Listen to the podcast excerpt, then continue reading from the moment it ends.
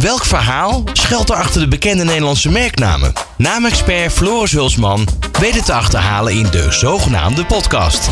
Dit is de allereerste aflevering van de zogenaamde podcast. En in deze podcast ga ik, Floris Hulsman, naamexpert, op zoek naar het verhaal achter bekende merknamen. Want niks is interessanters dan te weten waar die namen nou vandaan komen en wat ze gedaan hebben. En in deze eerste aflevering ga ik in gesprek met Ron Simpson. Hij is een creatieve duizendpoot. Ooit begonnen als columnist, showbiz reporter, DJ, marketeer. Nou, hij heeft echt van alles gedaan. Maar tegenwoordig is hij echt een ondernemer. Want hij is bekend van zijn restaurant. En dat heet The Avocado Show. Ik kan me niet voorstellen dat je daar nog niet van gehoord hebt. Het is een enorm succes geworden in korte tijd. Gaat nu de hele wereld over. En ik spreek met Ron om te horen hoe heeft hij de naam bedacht? Wat heeft het voor succes opgeleverd? En hoe ziet hij de toekomst? Welkom bij de zogenaamde podcast met Floris Hulsman. Ron Simpson, hoe kwam jij op het idee om een avocado restaurant te beginnen? um, ja, eigenlijk vrij simpel. Ik ging een drankje doen met uh, Julien Zaal. En we hadden het er gewoon over van... hey, uh, we hebben allebei een oké jaar gedraaid. We wilden er iets bij. Um, niet echt per se van, hey, laten we een wereldfranchise beginnen. Maar het was meer van, joh, laten we een leuk nieuw bedrijfje, een leuke nieuwe uitdaging. Misschien zelfs een hobbytje doen. Um, en iedereen die mij kent, die weet dat ik van eten hou. En, uh, en Jules hou, houdt ook echt wel van het goede leven. En toen zeiden we van, nou ja, een restaurant. Alleen wij staan bekend als creatievelingen. Mm -hmm. Dus dan ga je voor jezelf je graf graven of je land leggen. Maar net hoe je het ziet. Um, en zeg je, ja, het moet wel origineel zijn. Ik kan niet zomaar een, uh, nog een pizzatent openen of zo. En toen keken we naar de trends en naar de dingen die we elke week aten. En de trends waren simpel. Mensen wilden uh, gezonder eten, verschillende diëten, dus heel flexitarisch. En um, allerlei van dat soort dingen. En tegelijkertijd willen ze ook mooiere uh, gerechten zien. En dat allemaal... Instagrammable. Ook, ja. Dus allemaal van die mooie trends zagen we. En um, toen was het van, ja, wat eet jij elke week? Ja, uh, mozzarella en avocado's. Nou, de mozzarella show ging het niet worden, dus toen werd het avocado's. En had je ook meteen de naam te pakken dan? Hm. Wist je al, het, het gaat één dag. Show? We wisten, het wordt een mono-restaurant. Dus een restaurant dat één ding doet. En we willen het baseren op avocado's. Want um, super voedzaam. Want je kunt het echt op elke mogelijke manier serveren. Je kunt het brakken, hakken, warm, koud, zoet, hartig, weet ik het. Dus het had genoeg opties. Alleen het had nog niet echt een naam. En de eerste dingen die dan oppoppen waren heel saai. De avocado bar, de avocado club, de avocado whatever. Um, er zat geen belofte in, er zat geen spanning in. En toen kwam Julien eigenlijk met, nee, show. De avocado show. Toen zei ik, yes. Ja, yes. dan voel je meteen, meteen yes. dat het raak is. Ja, meteen. Het, dat was sowieso met dit hele concept eigenlijk. De seconde dat het op zijn plek viel. Um, het concept viel op donderdagavond. Op vrijdag hadden we, het, uh, uh, hadden we de naam. En bij mij op kantoor hadden we eigenlijk meteen al uh, kleuren en moodboards. En alles was de eerste keer al goed. Het eerste wat we zagen was gewoon meteen, yep, ja, go. Wauw, ja. Ja, ja, er was nooit iemand die dat eerder had bedacht ook. Um, nou ja, als ik mijn inbox moet geloven wel. Er waren allemaal mensen met You stole my dream. en whatever. Maar het is net als met alle andere dingen. Ik denk dat het uiteindelijk om uitvoering gaat. En um, ik weet dat er bijvoorbeeld in Azië veel eerder dan ons, misschien wel tien jaar eerder dan ons op Bali al, een, uh, al eentje was. Um, maar die was dan te vroeg en er was er ook een. Dat is ook een ding. Ik denk dat de eerste paar vegan restaurants of zo ook geen succes waren, omdat ze gewoon te vroeg waren. Ja. Maar op een gegeven moment komt dan het, het zogenaamde eerste restaurant dat het goed doet. Of de juiste timing heeft, of wat je het ook wil noemen. En dan lukt het. Nou, dat was bij ons ook. Ja, en fast forward naar nu. Dus, dus wanneer gebeurde dat? En, en uh, hoe lang is dat geleden? Dat, dat... dat was oktober 2016 alweer. Dus uh, de tijd vliegt. Ja. Um, en uh, fast forward, we maakten het in november of december bekend. Toen gingen we viral over de hele wereld. Toen uh, moest alles ineens veel sneller en beter. En, Hoe kwam het dat je viral ging? Um, ik denk omdat het gewoon nieuws was. Het klinkt heel suf. Iedereen wil ja. altijd heel veel aandacht en, en dat iedereen over ze praat. Alleen eigenlijk wil niemand over jou praten. Ze willen over ja, iets praten. En je had er wel al een beeld bij, zeg maar. Had je al een plaatje? Of kon je ja, ja dat zien? wel. Ja, ja, we wisten hoe, het, hoe in ieder geval het eten eruit ging zien. En dat zag er heel goed uit. En uh, de naam werkte natuurlijk ook heel goed mee. En op een gegeven moment um, moet je gewoon bedenken dat het is een, een miljardenindustrie. Is 14 miljard euro, zo gaat erin om. Dus dat betekent dat er honderden miljoenen mensen zijn die avocados eten. En er was gewoon geen Disneyland voor. Ja. Dus als je dan aankondigt van hey, iedereen die dit eet en lekker vindt. En schijnbaar Het heeft echt cultuur. Hè? Ik bedoel, als je naar Mexico of Zuid-Amerika kijkt, dat is gewoon echt onderdeel van. Dat is hun mayo, bijna. Ja. Ehm, dus dat zit diep geworteld bij de mensen. Dus als je daar ineens een soort van feestje van maakt, dan zijn ze erbij. Ja, geweldig. Arriba. En in, die- in die naam zat dat feestje ook al meteen. Ja. En eh, hoe denk je dat die. Wat heeft die naam meegegeven aan het succes? Hoe, kun, je daar, kun je het linken aan het succes? Ja, zeker. Ik, voor mij, ehm, ik denk dat we sowieso wel heel veel aandacht zouden hebben. Maar de spanning, het randje, het merk. Dus wanneer, wanneer onderscheidt een concept zichzelf als merk? Dat vind ik altijd heel interessant.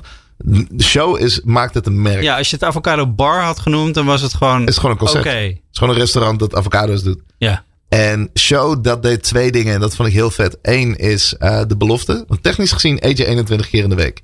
Mhm. Dus hoe maak ik dat spannend? Hoe zorg ik dat je dat iets wat je dagelijks meerdere keren doet, dat je daar naar uit gaat kijken. Dat je dat gaat delen met je vrienden. Dat je er, weet je, gewoon zin in hebt. En ehm, een beetje spanning opbouwt. En nou, het woord show, die deed dat wel. Want mensen die weten niet helemaal wat ze kunnen verwachten en hebben er een soort van zin in.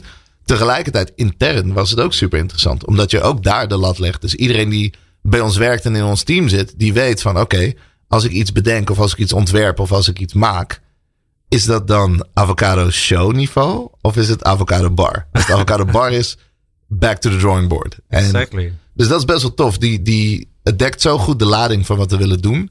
Extern en intern dat ik er echt heel blij mee ben. Ja. Nou, dat is mooi wat je zegt, want daar geloof ik ook heel erg in dat een naam niet alleen maar invloed heeft op het externe, maar ook op het interne. Het is gewoon, hey, je, mensen voelen zich daarmee verbonden, of niet? Absoluut, ja. Hey, en eh, hoeveel restaurants zijn er nu inmiddels?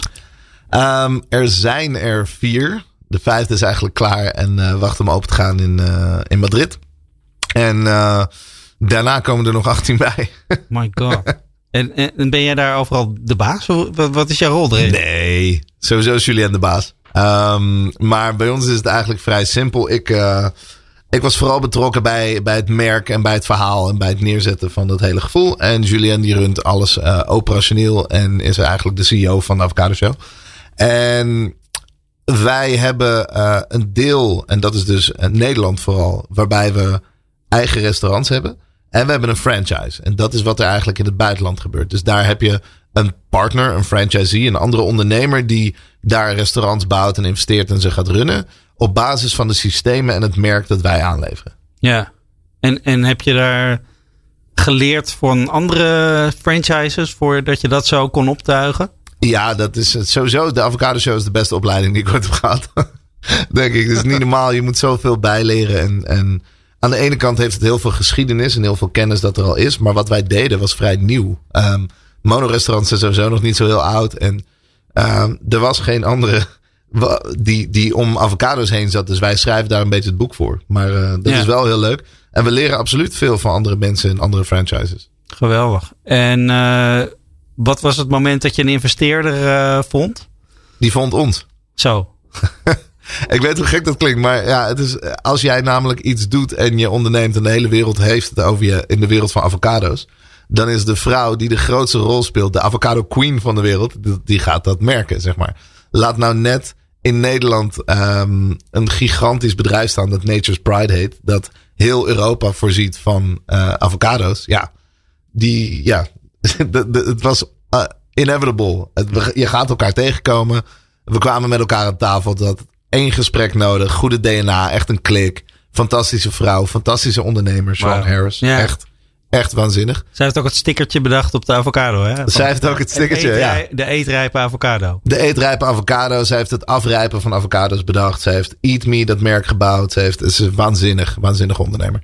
Ehm, en dus was het eigenlijk vrij duidelijk van ja, zij wist alles van avocado's. Wij wisten alles van merken en, en leuke dingen doen. En eh 1 plus 1. Super cool. Eh, heb je wel eens een negatieve reactie op de naam gehad? Op de naam. Ehm, nee, ik, we hebben wel eens wat verwarring gehad of zo. Dat mensen echt dachten dat het een soort dinnershow was. Oké, ja. Hoe laat komen de olifanten? Eh, wat? K- Komen er dansers? Nee, het feest is op je bord. Het is een heel mooi vormgegeven, gestileerd gerecht. Wat uiteraard gewoon lekker is, want je bent een restaurant. Maar het is ook gezonder dan de meeste opties. En het heeft gewoon een, eh, een aantrekkingskracht, een show. Het presenteert zichzelf. Ja, klopt. Die gerechten zien er waanzinnig uit. Ehm, als je de naam nog mocht veranderen, zou je dat doen? Nee. Zou je er nog wat bij zetten, wat eronder zetten? Nee. Nee, ik ben er helemaal blij mee. En eigenlijk, ehm, de, de, nou, we hebben niet echt een, een tagline of een payoff of zo. Maar we hebben wel ons eten ook een naam gegeven. Oké. Ehm, en dit, dit ga je mooi vinden. Ehm, mijn vader is Engels, dus ik mag geen incorrecte grammatica gebruiken. Anders kikt hij mijn ass. En we zeiden, ten eerste, ik vind dat als je een restaurant bent, dat je eten lekker moet zijn. Dus dan hoef je ook niet te zeggen dat je eten lekker is. Toch? Daar mag je inmiddels wel van uitgaan. Dus we wilden het woord yummy, tasty of whatever, dat hoefde er niet bij. Maar we wisten wel, oké, wat zijn dan de onderscheidende factoren? Nou, één, ehm, het is mooier dan het gemiddelde gerecht dat je kunt kopen. Ehm, en het is gezonder dan het gemiddelde gerecht dat je kunt kopen. Dat maakt het niet gezond, want we hebben ook gewoon pannenkoeken en hamburgers. Maar het is wel gezonder. Neem elk willekeurig gerecht ter wereld, doe er een avocado op en het is gezonder. Oké, Dat is nou helemaal zo. Ehm, en dus zeiden we van, nou ja, oké, het is een soort van pretty healthy food.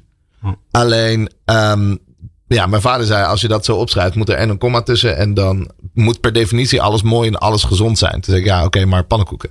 En toen zei hij, nou, dan haal je toch die komma weg. En toen werd het ineens pretty healthy food. Toen dacht ik, bingo, hebben. Ja, dat deed de lading. Dus zelfs Geweldig. correct volgens mijn vader. Ja. En hoe een komma weghalen dus al een hele naam kan veranderen. Ja, we hadden deze week nog in het nieuws de HEMA die de rookworst, eh, de veganistische, vegetarische versie de ookworst gaat noemen. Ja, maar ben ik gek? Of ben ik... Ik bedoel, dat was toch een boomerangkaart van 1994 of zo? Hij is Rookworst zonder R is ookworst. Is een super klassiek ding. I love it. Klopt, ja. En, en, maar je kan het altijd als, nog als merk gebruiken, blijkbaar. Ja, ik vind het heel vet. Ik was van de week met iemand die wilde eh, woensdag gehaktdag claimen als merk. Ja, why not? Iedereen kent het. Niemand heeft het officieel vastgelegd. Het is insane. Lijkt me goed, je moet hij doen. Eh, eh, eh, zijn nog in die tijd andere restaurantnamen bij je opgevallen? Dat je opeens dacht van, ah, dat is eigenlijk ook een hele goede restaurantnaam. Restaurantnamen. Oef. Ehm, nee, niet, niet het bijzonder. Nee. De avocado show topt gewoon alles. Nou, nou ben je sowieso wel een namenman. Want, want ehm, ik zag dat je een clubavond had georganiseerd. En toen ik dat las, die naam daarvan, dacht ik ook meteen van... Oh ja, hoe, hoe, hoe dan? Wat, waar, waar, waar Welke gaat van de vier? Ja, welke zijn vier? Ah, ja. Ja, please don't tell. Ja. Ja. Please don't tell is ook zo'n belofte. Het is gewoon zo'n...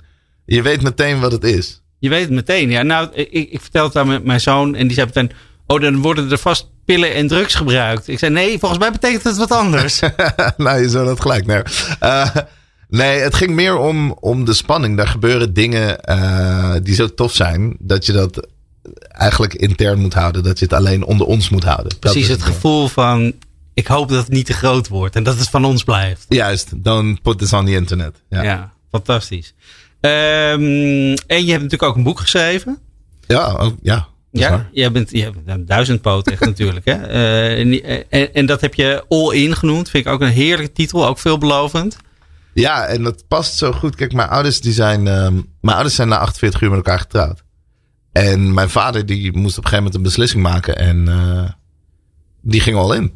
Ja, Het, het was echt, ik kon geen ander ding verzinnen. Soms heb je een situatie of probeer je iets te zoeken bij, ehm, als, als naam bij een bepaald gevoel.